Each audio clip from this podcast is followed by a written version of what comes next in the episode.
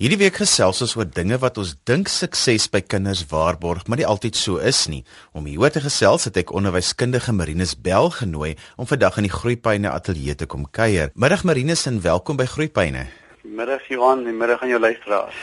Marinus, wat bedoel ons met so 'n onderwerp as ons sê dat daar is dinge wat nie noodwendig sukses vir kinders waarborg nie? Johan, ek dink baie ouers het 'n 'n bietjie van 'n onrealistiese uh, voor verwagting as dit kom by wat is sukses vir my kind. Uh sukses word tipies op skool gemeet aan dinge soos akademiese prestasie, sportprestasie en wat is skool is my kind.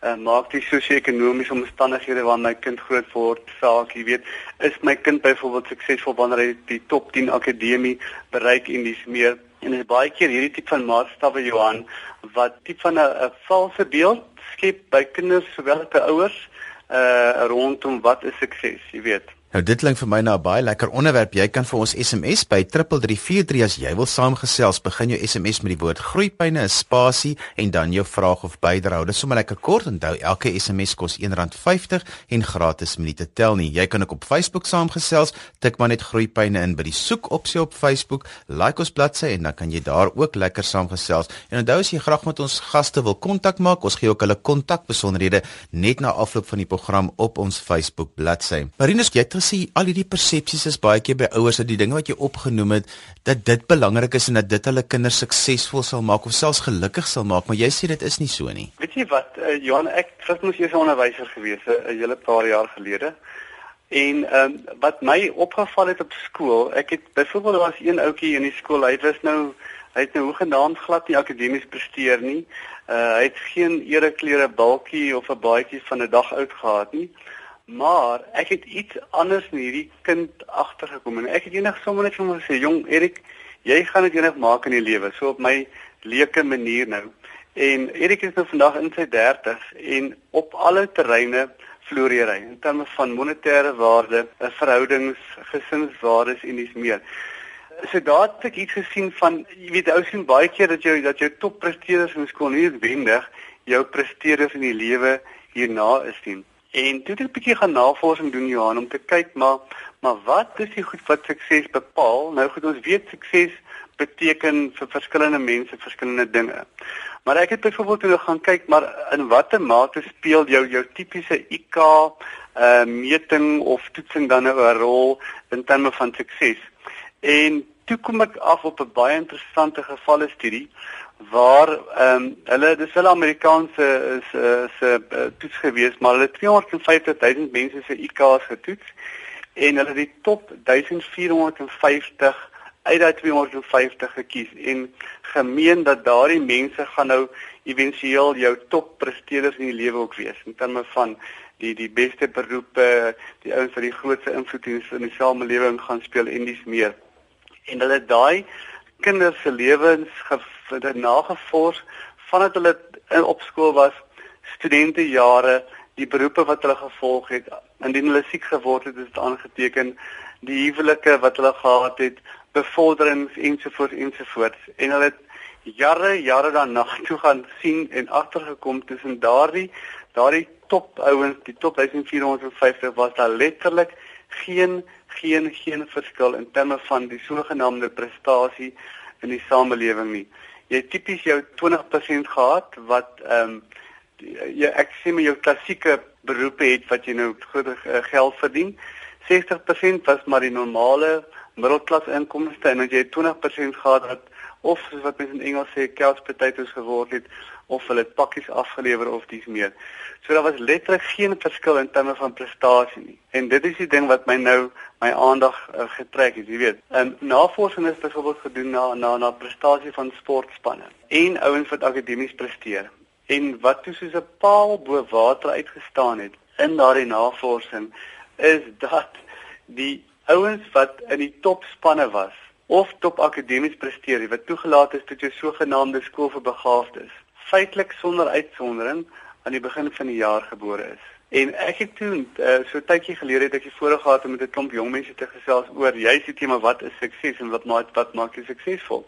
En dit was die die top akademiese presteerders. Toe vra ek net sommer by wyse van hand opsteek, wie van hulle is gebore in die maand Januarie, Februarie, Maart en die grootste grootleerders lede is is in daai maande gebore. Toe vra ek wie's gebore in November en Desember en slegs 2. En selfs net daar was dit vir my 'n aanduiding geweest om te sien maar dat baie keer kinders wat wel vroeër in die jaar gebore is, het tipe van 'n noem dit maar onregverdige voordeel bo die ander omdat hulle nou vroeg presteer, kry hulle ook meer aandag.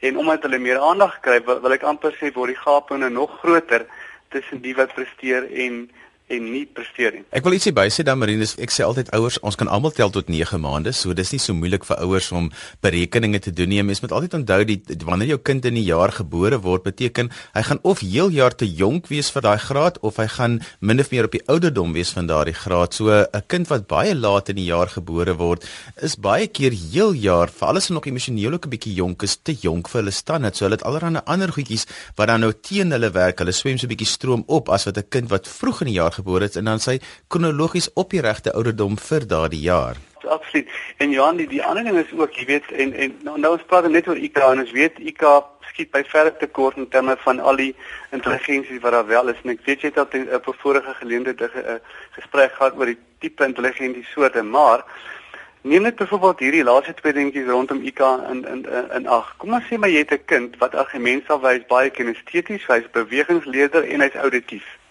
Nou moet hy gaan stil sit en IQ toets af afneem. Wat is die kans op noem dit nou maar sukses? Jy weet, dis die een ding. Die ander ding wat ek wil noem is, die vraag is nou hoeveel is genoeg? As ek byvoorbeeld vir die luisteraars sou sê, wie van julle sou graag 30 punte by jou IQ wou sit? Ek dink almal gaan sê ja, gee dit vir my, maar die vraag is, maak dit regtig 'n verskil? Dit is nou so daai netbal speler wat nou uh 1.9 meter lank is van 1.91 nou regtig daai groot verskil maak, jy weet. Maar dit is uh, 'n uh, gesprek vir 'n vir 'n ander keer Johan. Wat is die goed wat nou regtig waar 'n verskil maak? Ons het eintlik by ons maatskappy 'n baie mooi model wat ons gebruik in die opleiding van ouers en die opleiding van van onderwysers en dis meer. Maar ek het byvoorbeeld net vir jou gou 'n voorbeeldjie gee van iets wat gebeur het by 'n skool wat nou in 'n sosio-ekonomiese swak area geleef is, weer eens in Amerika, dis in, in Harlem. En wat gebeur het die skool se resultate tot tot op daardie stadium met as volg gelyk dat ehm um, uit die matrikulante, ouens wat matriek geskryf het, het ehm um, slegs omtrent 25% deurgekom. en van daardie 25% het het omtrent geen ehm um, kind verder gaan studeer nie.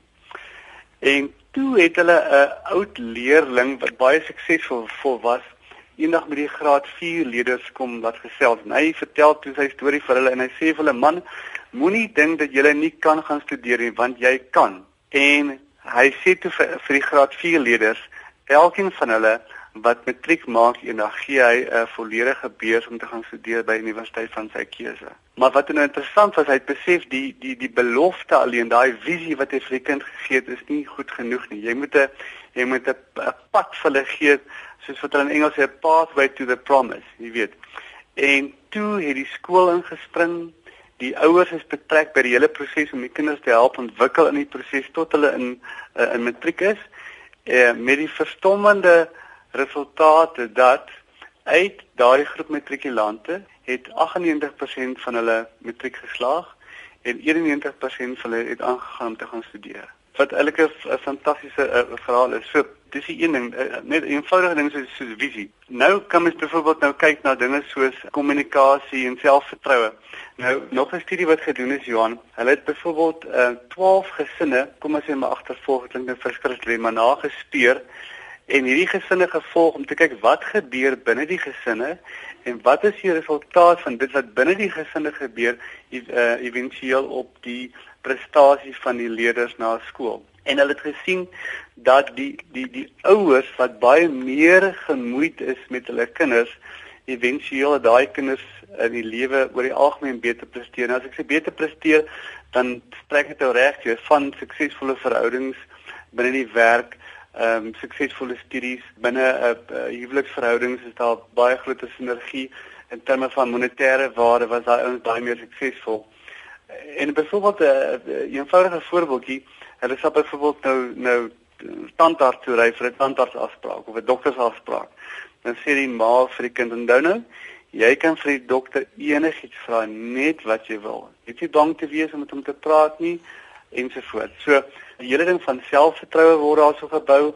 'n vrymoedigheid om te kommunikeer. Nou kom die kind by die dokter en nou gesels hy met die dokter. Hy vra vir my sê dokter, hier's goeters onder my arm, sulke knoppies wat uitslaan. Nou vra die dokter, is dit seer? Nee, dis nie seer nie, dokter, dis van net daar. Daai hele gesprek vind plaas tussen 'n leerder en 'n volwassene en in teenstelling met van die ander kinders wat nou nagevolg is waar die ouers sal die kind dokter toe vat, daar word nie enkele woord gered nie in die kar nie ook nie by die dokter nie. Dis 'n stille plek en hulle gaan by huis toe. Marine, so as ek nou vir jou reg verstaan, dan sê ons in die eerste deel van ons program dat 'n mens nie moet heeltyd vaskyk teen IK nie dat dit belangrik is om te dink daaroor oor watter tyd van die jaar jou kind gebore is en ouers wat betrokke is by hulle kinders wat tyd maak vir hulle kinders sal meer selfvertroue hê en hulle het net 'n beter kans om sukses in die lewe te bereik. Ja, dit is so, maar die vraag is watter vaardighede bou die uh, ouers of onderwysers in die kinders in? Jy weet, so dis nie net 'n kwessie van ons self nie, want dit dit is, is is baie meer as as net dit. Jy weet, as ek miskien byvoorbeeld net vir jou 'n paar boustene kan gee vir vir vir die groot woord wat mense nou al baie gehoor het emosionele intelligensie. Wanneer ons kyk na na ontwikkelingsmodel vir leerders, vir mense op tipe van 'n blou druk, dan is daar klomp komponente wat 'n ou graag sou wou inbou in so 'n persoon in. So met ander woorde Johan, dit gaan nie net oor die feit dat ek tyd as ouer met my kind spandeer en die vraag is wat bou ek in my kind se lewe in? En dit gaan daar's daar's 'n hele etlike aantal boustene wat jy graag in jou kind wil inbou sodat hy éventueel sukses kan behaal. Jy luister na Groepyne. Ek is Johan van Lille. My gas vandag is Marinus Bell en ons gesels vandag oor die dinge wat 'n mens moet weet om 'n kind se sukses te waarborg. Marinus, jy het nou al in die eerste deel van die program so 'n bietjie daaraan geraak, maar jy het gesê daar's 'n klompie boustene wat 'n ouer moet van bewus moet wees wat kan help om 'n kind se sukses te waarborg. Johan, absoluut so. En, en weet jy wat, ons propageer hierdie inbou van boustene nie net by die huis nie, maar ook by skole. So waar ons met skole werk, moedig ons baie baie sterk aan dat skole nie hierdie uh, kom ons sê maar hierdie boustene as 'n as 'n aparte vakgebied wil ek amper sê aanbied nie, maar dat die dat dit werklik geïntegreer sal wees in die hele kurrikulum by 'n skool. Ja, dis 'n hele gesprek op sy eie. Hoe doen mense dit binne 'n skool vir verband, jy weet. Maar daar waar ons dit wel gesien en geïmplementeer het, was die gevolge verrykend. Ek kan miskien net vir een voorbeeld noem, Johan. Ons het in die Noord-Kaap by 'n skool gewerk waar ons hierdie groep wat ek nou met jou gaan bespreek, met 'n paar ander dinge ook natuurlik, ingebou het in 'n skool en waar die skool se slaagsyfer was 23% gewees in 2012 en ons het 'n jaar kliphard gewerk om al hierdie plekke goed in plek te kry en in te bou in die kinders se lewens en slegs 'n jaar later was die skool se slaagsyfer 87% wat verstommend is, jy weet, en maar nou goed, uit die aard van die saak, jy die inkoop van die gemeenskap daarso. Maar ten spyte daarvan, jy weet jy jy weet self Johan, jy kan die perd na die water te bring, maar jy kom nie maak drink nie. So daar sekere ouers wat nog steeds manie inkoop nie, maar ten spyte daarvan, dit dit is hierdie mooi suksese behaal. Nou kom ons gee raad vir die ouers, wat is daai boustene? Goed Johan, ehm um, as jy byvoorbeeld net kyk na hoe 'n mens op 'n uh, mens opgemaak het, jy het self 'n persoonlikheid en 'n karakter, jy is daai selfslim tipe van gedeelte van jou van jou menswees of jou interpersoonlike menswees. En dan kry jy die die sosiale komponent of jy sosiaal slim mense wat jou uh, interpersoonlike vaardighede, jou intrapersoonlike en interpersoonlike vaardighede. En ek gaan vir jou kortliks die boustene noem Johan as dit nou kom by jou intrapersoonlike vaardighede. En dit is goeie soos is ek emosioneel selfbewus. Dit baie keer sal 'n ou byvoorbeeld hy hy is slegte dag gehad en hy sê vir jou man ek is nie lekker nie. Nou wat beteken as hy vir sê ek is nie lekker nie? Weet dit kan ook wees hy het sy werk verloor, sy vrou het siek geraak en sy kind het op, op skool gedryf, maar sy totale omvang van sy woordeskat is ek is nie lekker nie.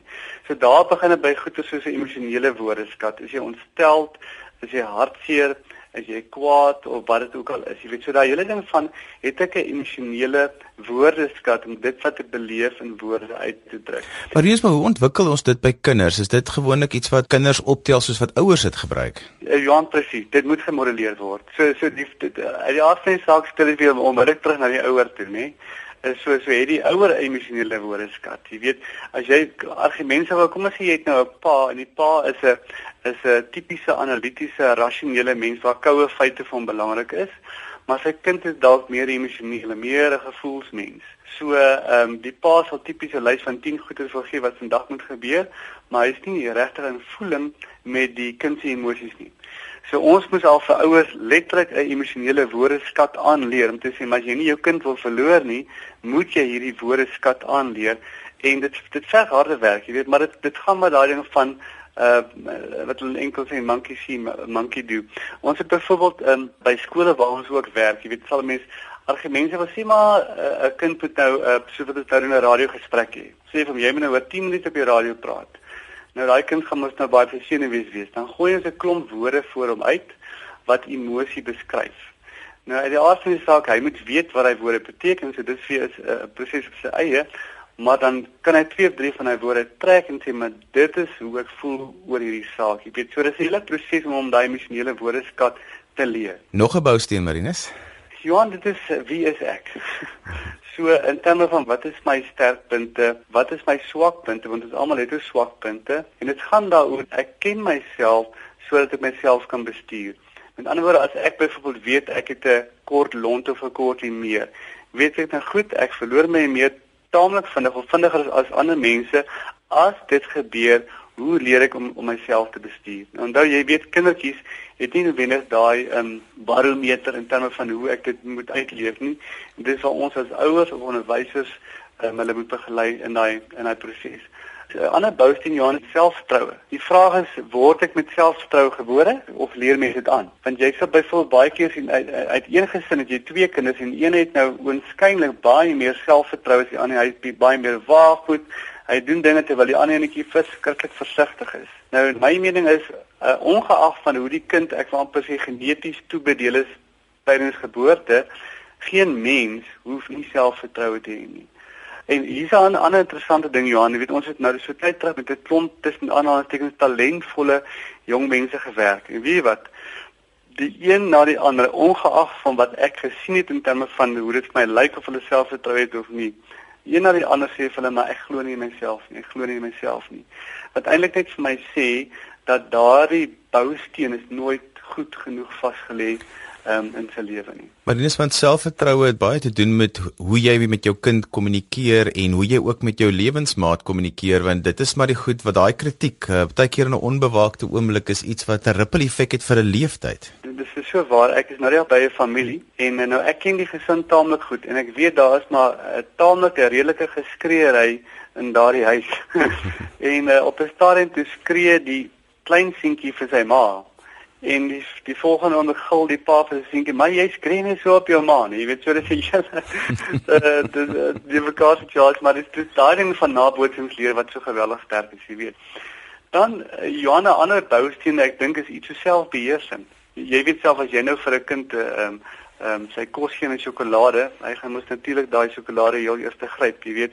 En en ek dink ons almal is bewus van daai daai TV advertensie wat hulle die marshmallows uh voor die kinders neergesit het en dan sê maar as jy jou kan self kan inhou om hierdie marshmallow nie onmiddellik te eet nie, dan uh, kry jy nog netjie as jy vir terugkom oor 10 of 15 minute. Daar's 'n Engelse term wat hulle noem, hulle noem dit delayed gratification of uitgestelde beloning. En interessant genoeg dat kinders wat leer om daai onmiddellike beloning bietjie uit te stel, is ook die kinders wat volgens navorsing op alle vlakke eventueel um, beter presteer, jy weet. Ek is so bly jy sê dit Marinus want dit is een van die grootste dinge wat sukses by 'n kind en ouers moet dit konstant en konsekwent toepas is om vir hulle te leer om 'n beloning te kan uitstel. Hulle moet leer om te weet hoe om te wag, het my pa altyd gesê. Maar Johan, en, ek, ek, ek dink die sleutelwoord wat jy daar sê is uh, konsekwent. Nie dubbele standaarde nie uh, rondom dit, jy weet. Mens kan nie altyd aan die behoeftes voldoen op daardie punt nie. So kinders moet leer om te wag daarvoor en ek dink baie keer maak ouers die fout om te sê, "Maar ek gaan nou eers die kind gelukkig hou, so ek gaan nou almekaar aandag gee om sy onmiddellike behoeftes, maar soms moet hulle leer om te wag en dit moet konsekwent toegepas word." Absoluut. En weet jy Johan, die, die ander ding is jy sê byvoorbeeld sien en ek dink dink nou terug aan skool. Uh as jy nou kyk na sommer net op 'n eenvoudige manier, as jy kyk na ryk en arm kinders, ek het dit so kan jy weet dat uh, kinders wat minder het versus kinders wat baie meer het. En en ek het huise gesien waar daar nie oorvloed was nie maar waar die ouers binne die konteks van wat hulle wel het dit baie mooi bestuur het en hulle kon dit verwoord aan hulle kinders. Jy weet in ander woorde daai kind sou nie so sommer spontaan 'n uh, tekkies of raket vir tennis uh, kan nie hy moes gaan koerant aflewer om dit te koop. En as daai noem dit maar tekort binne 'n gesonde konteks bestuur word word dit eintlik vir daai kind 'n springbord wat vir hom in, in, in die toekoms baie baie kan beteken, jy weet. Marinus, ons tyd is verby, so laaste slotgedagte, dan moet ons alweer groet. Johan, nee, ek my laaste slotgedagte is ek hoop ons kry weer geleentheid om bietjie oor die ander boustene uh, te gesels.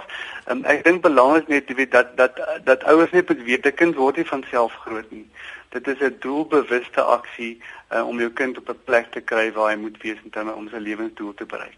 Marinus, as ouers met jou wil kontak maak, hoe kan hulle dit doen? E-posadres is my naam Marinus M A R I N U S @neurolink n e u r o l i n k.co.za of info @neurolink.co.za. Ek sal ook Marinus se uh, telefoonnommer op Facebook sit vir die van julle wat met hom direk wil gesels. Onthou as jy weer na Groepyne wil luister, kan jy op RSG se webwerf by rsg.co.za na die potgooi gaan luister. Ons gee ook programinligting en ons gaste se kontakbesonderhede op Groepyne se Facebook bladsy. Ons e-posadres is groepyne@rsg.co.za. daarmee groet ek namens die Groepyne span in Kaapstad, Neil Roo agter die kontroles en programregisseur Lazelde Brein.